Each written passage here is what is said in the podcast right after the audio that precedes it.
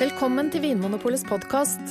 I panelet i dag sitter programleder Trond Erling Pettersen, varefaglig leder Tom Tyrihjell og varefaglig rådgiver Anne Engrav. Temaet i dag er drikke til torsk og skrei. Ja, Tom og Anne, velkommen hit. Dere tror kanskje at dere er for å snakke om uh, mat og vin som vanlig, men det dere ikke vet, er at uh, i dag skal jeg ha en liten norsktime med dere. vet dere hva skrei betyr? Skrei, som i Mm. fisken. Fisken skrei. Hva betyr ordet skrei? Det betyr nemlig å vandre eller å gå. Det kommer av det norrøne ordet skrida. Å ja. Vandretorsk. Mm. Eh, vil dere ha en liten historietime òg? Gjerne. For i eh, Stor kokebok for større og mindre husholdninger fra 1914 av Henriette Skjønberg Erken så står det mange setter dog en nu pris på et glass rød bordeauxvin til torsken. Så jeg løy litt. Dere skal få lov til å snakke litt om hva vi skal drikke til torsk og skrei i dag. Er dere klare? Ja. Skal vi skride til verket? Det var et fint bilde, da. Jeg ser for meg den skreien som rusler nedover. Ikke ruslebiff, men ruslefisk. Ruslefisk. For hva er egentlig forskjellen på torsk og skrei? Altså, skrei er jo betegnelsen på den torsken som kommer fra eh, langveis fra. Barentshavet, er det vel. Ja, lurer på om du har rett i det. Eh, og så kommer den eh, Reiser den ganske langt av gårde inn til norskekysten, ofte oppe i Lofoten der, Ja, for å gyte. ja for å lage barn. Ja, og derfor er det sesong på fisken. Ja, Men Tom, sånn smaksmessig eller konsistensmessig, er det noe forskjell på vanlig kysttorsk og skrei der? Og det er det kanskje, altså. Det vet nok andre bedre enn meg. Men skrei skreien er jo spesielt god, og torsken er jo en av de beste fiskene, syns jeg. Så Ja. Jeg har hørt uh, forklart av en eh, fiskehandler jeg bruker, at uh, du kan sammenligne skreien med en langdistanseløper Mm. og den vanlige kysttorsken med en sprinter. OK. Så du kan se litt for deg på kroppen, da. Liksom de lange musklene. Lange, Mot de- skreien. Mer sånn eksplosive. Ja. Mm. Så kanskje det er litt mer fast i fisken? Kanskje? Kanskje det. Da skal vi i hvert fall kikke litt på hva vi skal drikke til forskjellige retter med torsk og skrei. Skrei er maratonutgaven av torsk. Fisken holder til i Barentshavet, men om vinteren svømmer den 3000 km til norskekysten for å gyte. Sammenlignet med kysttorsken er skreien lengre og slankere. Den er litt lysere i fargen og litt fastere i kjøttet. Torsk og skrei serveres gjerne fersk, men mye av fangsten går også til produksjon av tørrfisk, klippfisk og lutefisk. Uansett hvordan du tilbereder fisken, får du hjelp til å velge drikke av oss i Vinmonopolet. I butikkene våre får du gode forslag til både rødvin, hvitvin, øl og alkoholfritt som passer til torskemiddagen.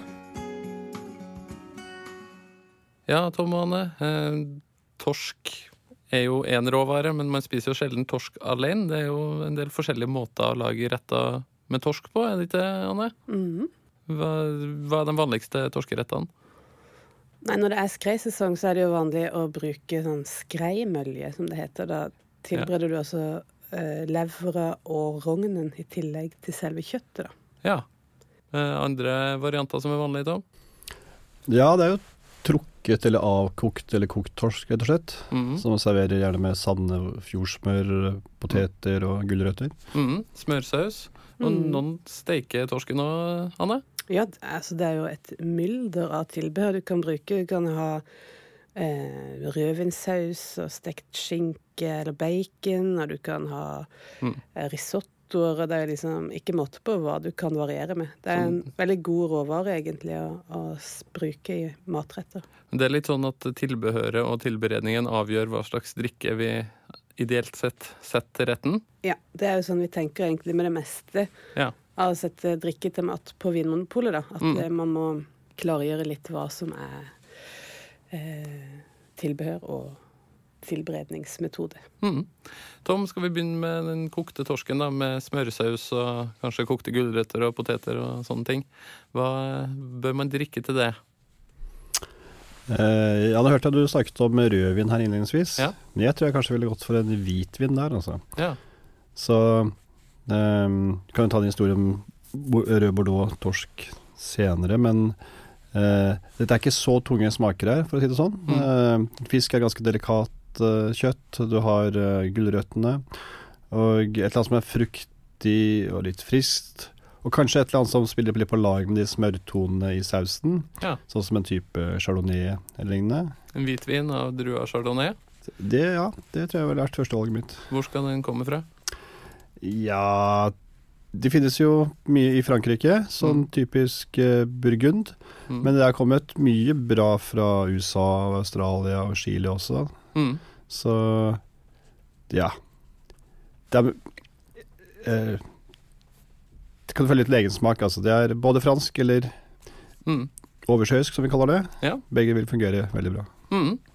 Anne, hva med rødvin? Er det noen grunn til at det ikke vil fungere med smørsausen f.eks.?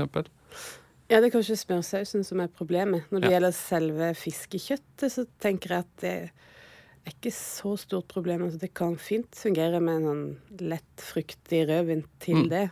Um, Ja. Det problemet er når du begynner å trekke inn tilbehør som kanskje vil bli litt vanskelig. Altså, en sånn skreimølje det er mer sånn hvitvinsmat i min verden. Ja. Skal vi gå over til skreimølja, da? Hvorfor vil du ha hvitvin til den, eh, Anne? Ja, det er for å få den der eh, friske, sånn sitrusprega fruktigheten. Mm. Som i tillegg eh, Det vil være som å få en liten sånn skvis med sitron oppå fisken. Ja, At det frisker opp og liver opp eh, Ja. kombinasjonen litt? Mm. Trenger litt av det. altså. Hvis du i tillegg har en sånn smørsaus og, med fløte og sånn, så trenger du noe som liksom letter det hele, da. Mm. Og ikke minst så vil rødvin kanskje også i større grad overdøve de smakene som er der, mens hvitvin kanskje komplementerer de bedre. Ja. Tom, hva smaker det av lever og rogn? Um, det smaker ganske fett, for det første. Mm. Og den fedmen kan være ganske problematisk for en rødvin som man er inne på. Mm. Og så er det noe sånn liksom blodig, skal vi si kjøttaktig, nesten ja, litt sånn læraktig. Det, Ja. Mm. Så da tenker du at hvitvin er det beste valget til skreimølje, sånn ideelt sett? Eh, Eller vil vil du ha en rødvin? kanskje tenk deg spille dette det fete der, den Mm. nesten sånn tranaktige smaken, at det kan nok være litt sånn problematisk i forhold til eh, det treaktige, eller dette tanninpreget, tanninsmaken i vinen. Ja.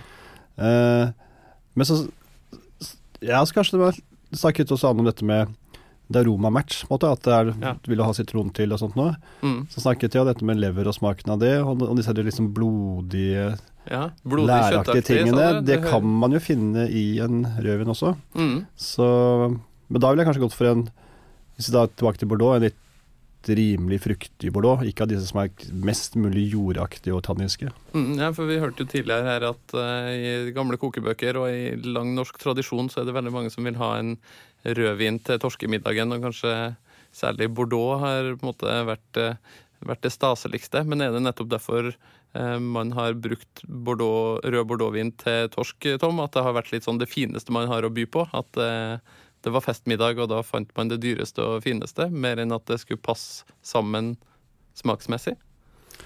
Nei, det er fordi Bordeaux betyr vandrer på fransk. Nei, jeg tror jeg er inne på det der at det er noe med at eh, dette var en festmiddag. Mm. Og det var det som var rød Bordeaux. Mm. Var, og er for mange fortsatt, blant det beste av rødviner. Mm. Og i så var det også det som var mest som var tilgjengelig her uh, i, i det norske markedet. Ja. På Vinmonopolet så var det to tredjedeler av rødvinene var fra Bordeaux. Ja. Ok, men da har vi vært eh, gjennom eh, kokt torsk med smørsaus, og vi har vært gjennom skreimølja, og dere tenker hvitvin til, til begge dem. Ehm, så kanskje vi skal gå over på en eh, torskerett som vi faktisk gjerne vil ha rødvin til, da, som en liten trøst til alle dem som eh, heier på rødvin til torsk. Anne, hvis jeg nå steiker et deilig torskestykke med skinn og lager rødvinssaus, og så her er det kanskje litt bacon ved siden av, eller stekt spekeskinke eller noe sånt, Ja. da Nei, da skal jeg ikke insistere på hvitvin lenger. Se- Selv om det går jo det også, men eh, Ja. da kan nok en eh, rødvin komme til sin rett. Ja. Hva slags rødvin skal jeg velge da? Mm, jeg tror ikke jeg ville tatt frem de tyngste skytsa. denne gangen heller. Men uh, den der litt sånn salte bacon og sånn Mm. stekeskorpe gjør at du får en, uh, en, sånn, en litt annen dybde i retten, som fint kan passe til litt sånn mørke bær. Um, Mm. kanskje en barbera. Ja, fra Italia. Fra Italia. Ja. Alltid pinot noir. Ja. Hvor skal den komme fra? Jeg har vært veldig godt fornøyd med de californske pinot noirene som har kommet i det siste. Ja. Langreist torsk og langreist eh, Ja. pinot noir. En vandre-pinot noir. Ja. Tom, har du noen gode tips til rødvin til en sånn type torskerett? Jeg likte godt de tipsene til Anna, altså. Så, Men eh, skal vi si Pinot Noir, Barbera til, Ja, fra Pato kanskje, fra Sicilia. Mm. Type ting. Litt sånn fruktige, fyldige ting. Litt mer smak på dette. Det hadde vært bra. Ja. Uh, Cabernet Franc fra Loire. Mm. Så her er det mye å velge blant. Mm. Kjempefint. Helt til slutt, eh, Anne og Tom, eh, så oppsummerer vi litt. Grann. Eh, Den kokte torsken med smørsaus, Anne, hva skal vi drikke til den? Da går vi for en chardonnay. Mhm. eh, Tom, skreimølje med lever og rogn. Ja, ikke ta den røde bordeaux, ta heller en hvit bordeaux. Det er et spennende og godt valg. Ja, hvitvin fra Bordeaux. Eh, og så var det den skinnstekte torsken, Anne, med rødvinssaus. Da hadde jeg valgt en fruktig rødvin, f.eks. på pinot noir-drua. Kjempefint, takk skal dere ha. Og til deg som hører på, hvis du liker det du hører fra Vinmonopolets podkast, så blir vi veldig glad hvis du går inn i iTunes og gir oss noen stjerner og eh, skriv hvorfor du liker podkasten vår så godt. Takk for at du hører på Vinmonopolets podkast. Har du forslag til et tema i podkasten? Send mail til podkast at vinmonopolet.no. I tillegg svarer kundesenteret deg på e-post, chat og telefon. Ring 04560 eller besøk vinmonopolet.no.